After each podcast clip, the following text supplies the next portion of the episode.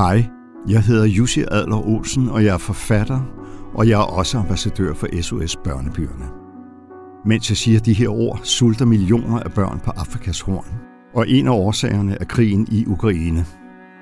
Landene på Afrikas horn importerer 90 procent af deres hvede fra Rusland og Ukraine, og på grund af de voldsomt stigende fødevarepriser, som krigen har ført med sig, er den massive sult- og tørkekatastrofe i det kæmpe store område blevet om muligt endnu værre.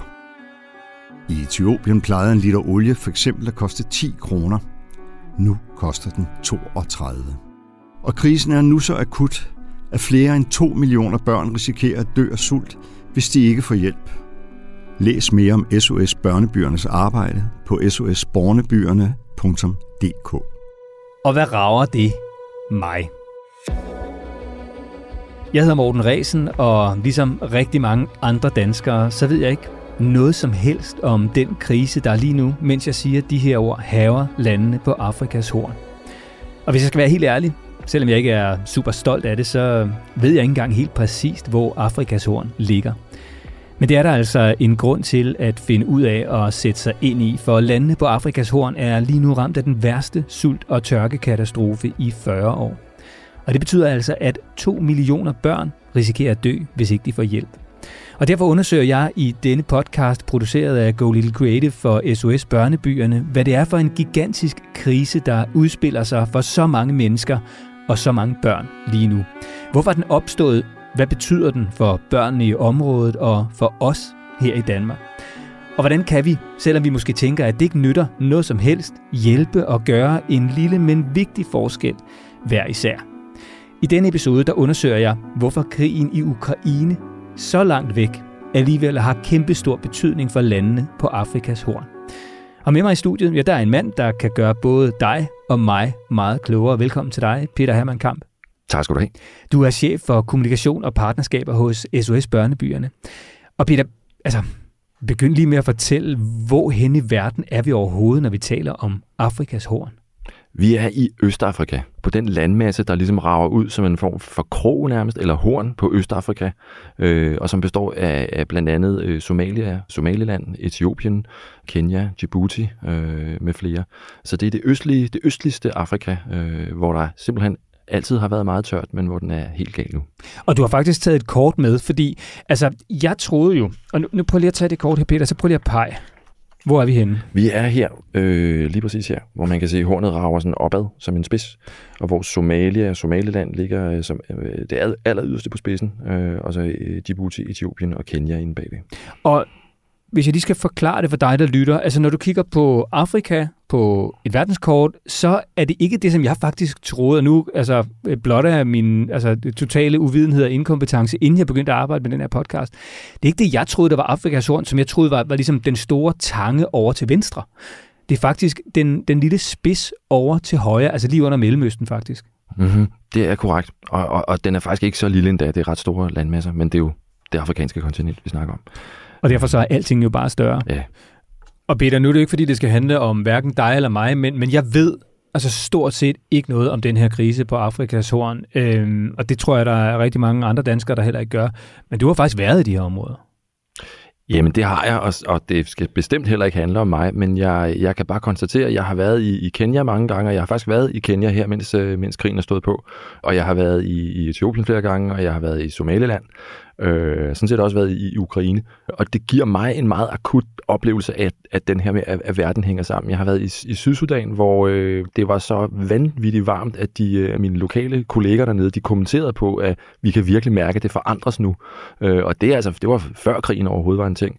Så jeg har selv en sådan en personlig og nærmest sådan en fysisk oplevelse af, at verden er meget mindre, end man måske tror. Øh, ved at, at have rejst i de her lande og have mødt nogle af de her mennesker, der i dag er ramt af det her. Og hvad betyder det så helt konkret for børnene på Afrikas horn? 7 millioner børn er i fødevare, øh, risiko for fødevaremangel. Øh, det vil sige, at man ikke får nok at spise til at være ernæret, øh, korrekt ernæret. Det vil sige, at man bliver under- eller fejlernæret. For dem, der er allerhårdest ramt, og som slet ikke får nok at spise, der kan du jo simpelthen risikere, at man, man dør af sult.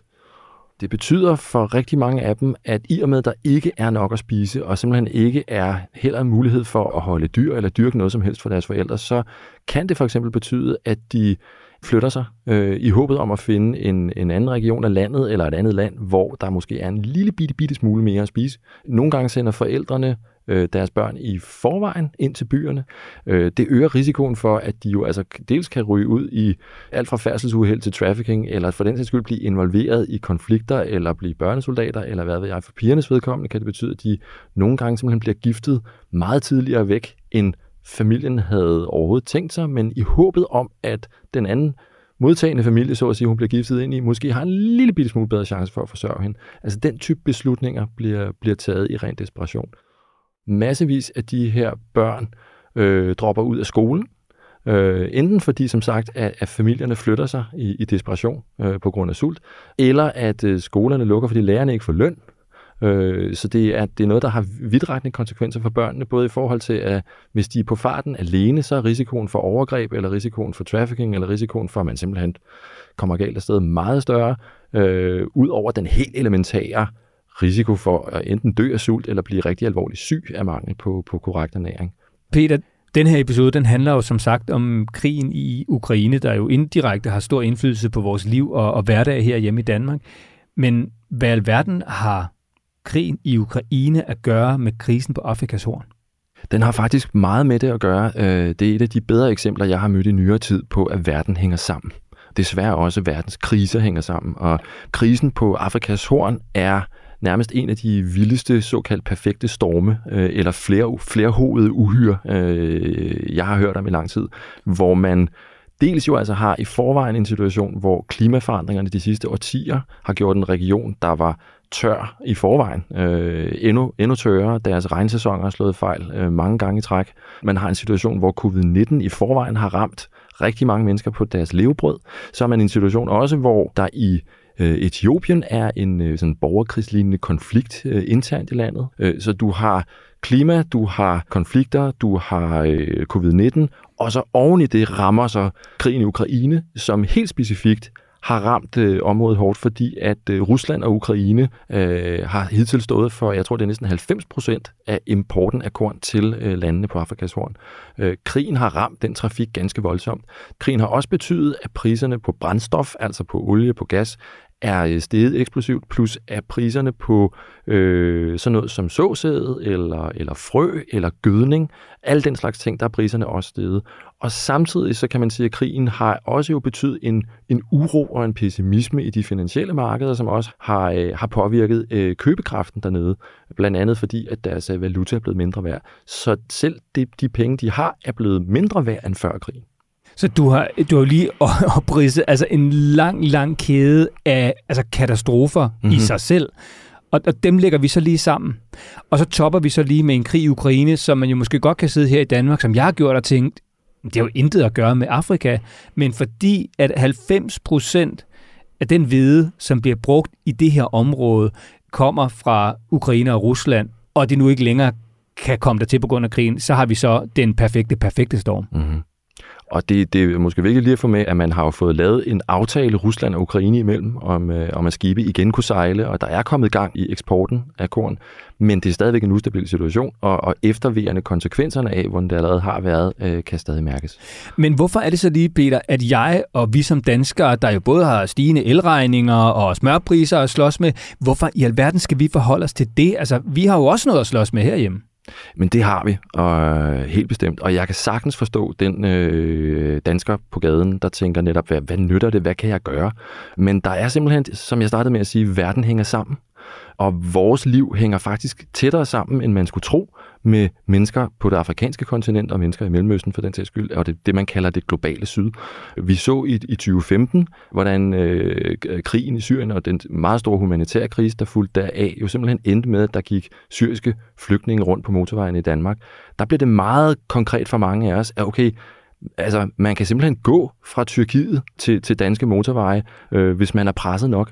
Og på samme måde kan man sige, at, at det her det hænger også sammen på den måde, at vi lever i en verden, hvor global destabilisering og øh, konflikter og klimakrise er på mange måder noget, der også rammer os, blandt andet i form af migrantstrømme og de vanskeligheder, der knytter sig til det, men også i form af, af generel ufred og ustabilitet. Det er ikke i vores interesse, at verden skal spiralere ned i mere konflikt og ustabilitet og, øh, og krise.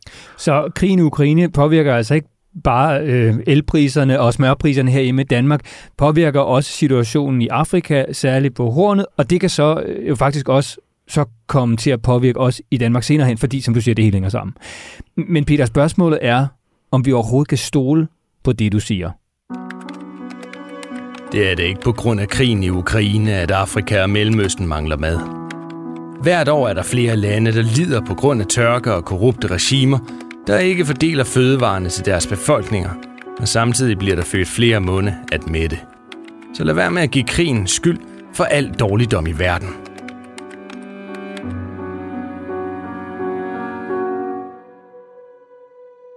Citatet her, det stammer fra en Facebook-bruger, der har skrevet en kommentar til en artikel publiceret på DR.dk om den fødevaremangel, som krigen i Ukraine har medført i dele af Afrika. Hvad, hvad tænker du, når du hører sådan en påstand her? Jamen, altså, jeg kan generelt sagtens forstå, at folk kan synes, det er, er svært at følge de her årsagskæder. Det er jo nogle sindssygt indviklede, komplekse kriser. Øh, men samtidig må jeg sige, det er øh, rimelig faktuelt at krigen i Ukraine har påvirket situationen i Hornet ganske, ganske massivt. Og det, øh, som sagt, det er ikke kun et spørgsmål om, at der har været det her helt specifikke, hvad skal man kalde det, konkrete, kan vi få fødevarer ind, eller kan vi få korn ind, men altså også at priserne på brændsel, som skulle få fødevarer videre, er steget. Der findes afrikanske lande, som har olie- og gasreserver, men man har ikke i særlig stor målestok øh, raffinerings- eller, eller forarbejdningsindustrier, så det er noget, man importerer. Og det er så samtidig også blevet dyrt. Priserne både på brændsel og på også noget som gødning og importere frø i det hele taget også stedet, igen på grund af, af krigen. Så der er en meget direkte sammenhæng. Men jeg har al respekt for, at folk synes, det er øh, komplekst. Det synes jeg også. Men så lad os lige prøve at tage fat i de der priser og prisstigninger, fordi det er jo også noget, der kan være lidt svært at forholde sig til, fordi herhjemme stiger, stiger priserne jo også. Hvad betyder det, når du siger, at, at priserne stiger på Afrikas horn, blandt andet på grund af krigen i Ukraine? Et konkret eksempel på de her prisstigninger kan jo være, at i Somalia, der, der er det simpelthen øh, to til fire gange den øh, normale pris, vi, vi snakker om. Og hvis jeg skal sammenligne med mit eget liv, så øh, altså, da jeg stod i mit lokale supermarked og skulle købe noget smør, og noterede mig, at det plejede at koste 16 kroner, og nu kostede det en 20. Det synes jeg, der var, var sådan til at, at føle på. Øh, hvis man forestiller sig, at man skulle op i, øh, i en, en prisstigning, der svarer til det, man har set nogle steder på, på Afrikas Horn, så skulle den jo pludselig koste 50, 55, 60 kroner for det her, øh, Øh, I don't know, øh, en pakke smør. Ikke?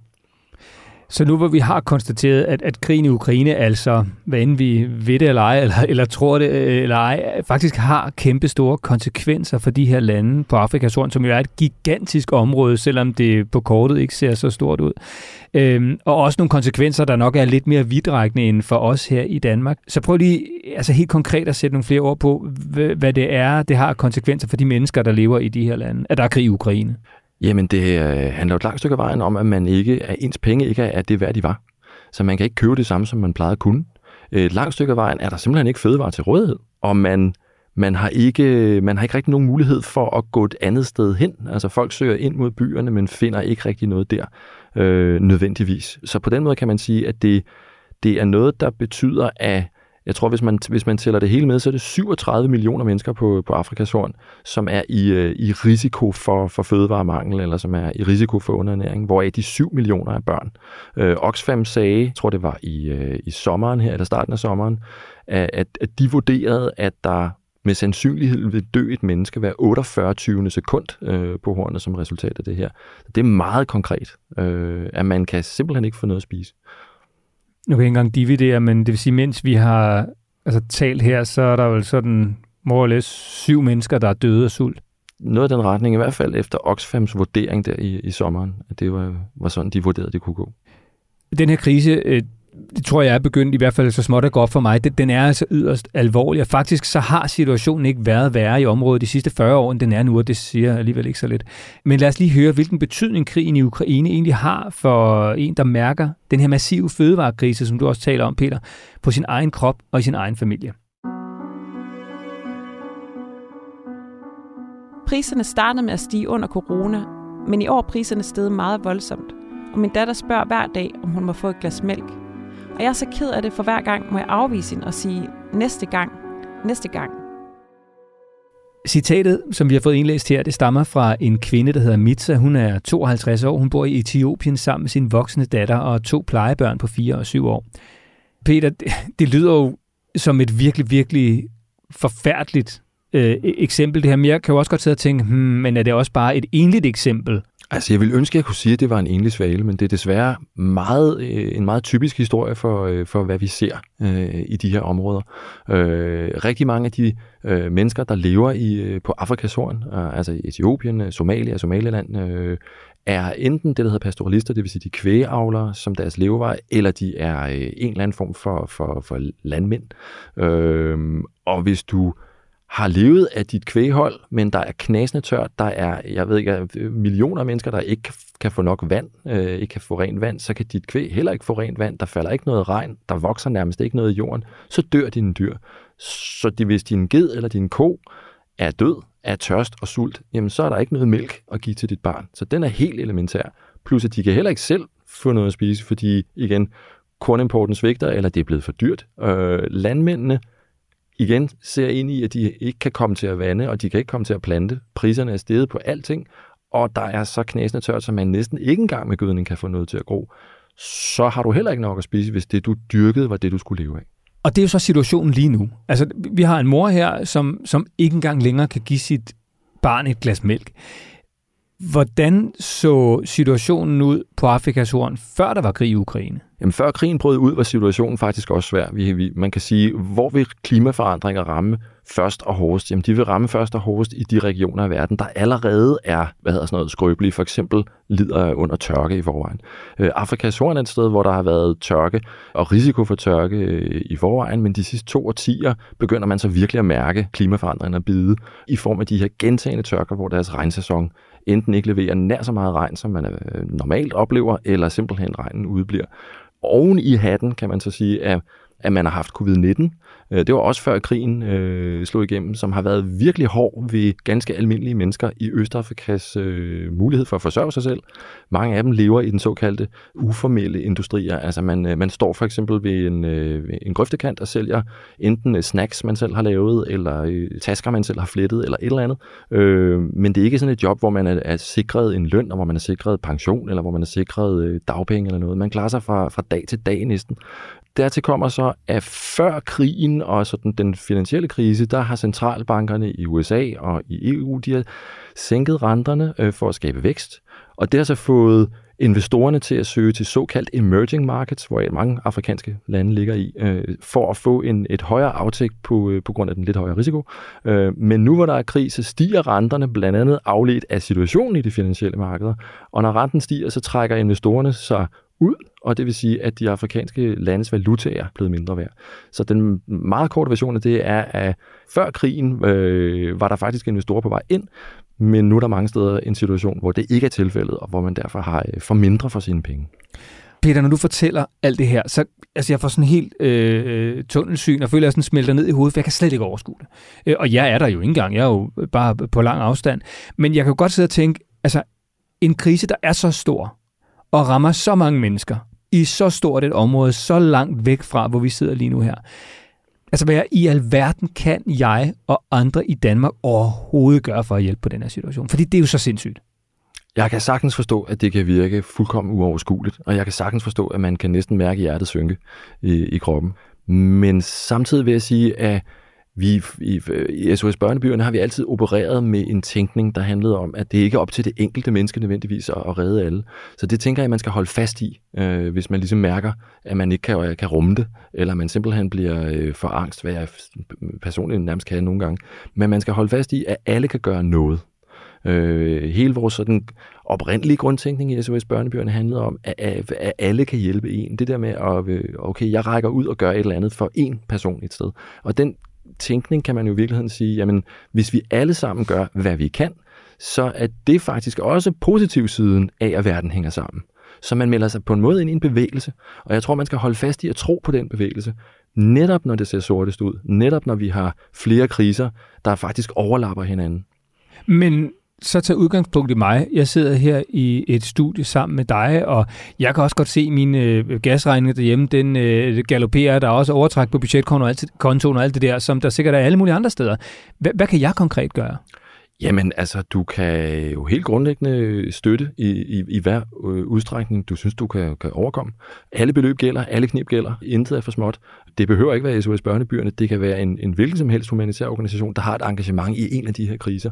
Men selve den tænkning, at jeg gør, hvad jeg kan, og have tillid til, at alle de andre også gør, hvad de kan, så skal man ikke undervurdere effekten af det. Det er lidt ligesom den omvendte sommerfugl, der slår med vingerne et sted. Hvis du slår med vingerne her i København sammen med alle de andre, så er det i hvert fald bedre, end hvis vi ikke gør noget. Fordi netop verden hænger sammen. Så den lille ting, du kan gøre, er faktisk en stor ting, hvis den sker sammen med, med at alle andre også gør deres. Og den tænkning prøver vi at holde fast i, i forhold til, øh, hvordan kan man sikre, at man bevarer troen på det, og man bevarer motivationen. Og så skal man også huske, at hvis man ligesom gør, hvad man kan, øh, som enkeltperson, som Morten eller som Peter, så gør man det dels sammen med alle de andre, der også gør, hvad de nu kan. Øh, men man gør det faktisk også sammen med vores danske samfund, altså hvor, øh, hvor, øh, hvor Danida jo altså budgeterer med udviklingsbistand til, til ret mange milliarder om året, fordi det er en dansk beslutning i vores samfund, at vi netop gerne vil investere i bæredygtighed i de fattigste lande og i øget fred og stabilitet i verden. Og det er også i Danmarks interesse og i din og min interesse, fordi at vi har brug for at leve i en verden, hvor der er mest mulig fred, og hvor der er stærke institutioner, hvor der ikke er krige og konflikter. Øh, og hvis vi ikke gør, hvad vi kan for at bremse den udvikling, så, øh, så ændrer det verden øh, på en måde, der også påvirker os.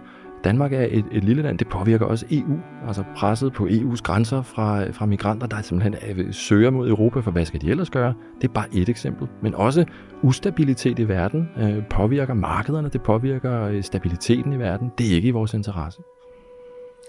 Peter, tak fordi du kom. Det var første episode af Hvad rager det mig? En podcast om krisen på Afrikas Horn. Tak til Peter Hermann Kamp, chef for kommunikation og partnerskaber hos SOS Børnebyerne. Også kæmpe stor tak til dig, der har lyttet med. Jeg håber, du har fået noget ud af podcasten, og ligesom mig er blevet lidt klogere. Og hvis du har lyst til at hjælpe ja, så kan det altså gøre en stor forskel, selvom du måske ligesom mig tænker, jo, men det nytter alligevel ikke. Men hvis vi alle sammen gør det samme, så nytter det faktisk. Du kan læse mere om øh, SOS Børnebyernes arbejde og hvordan du kan hjælpe på sosbornebyerne.dk. Og du må også meget gerne tippe andre om podcasten, og hvis nu du selv kan bruge det, du hører, hvis du er blevet klogere, så vil vi blive meget glade, hvis du vil skrive en lille anmeldelse i din podcast-app, fordi på den måde er du nemlig også med til at få udbredt podcasten og budskabet til endnu flere. Og hvis du vil have besked, når der udkommer en ny episode, så skal du bare trykke på følg i din podcast-app. Podcasten er produceret af Go Little Creative for SOS Børnebyerne med støtte fra Danita. Redaktion og tilrettelæggelse af Nina Pedersen og Simone Lundager Breinholt. Jeg hedder Morten Resen. Tak fordi du lyttede med.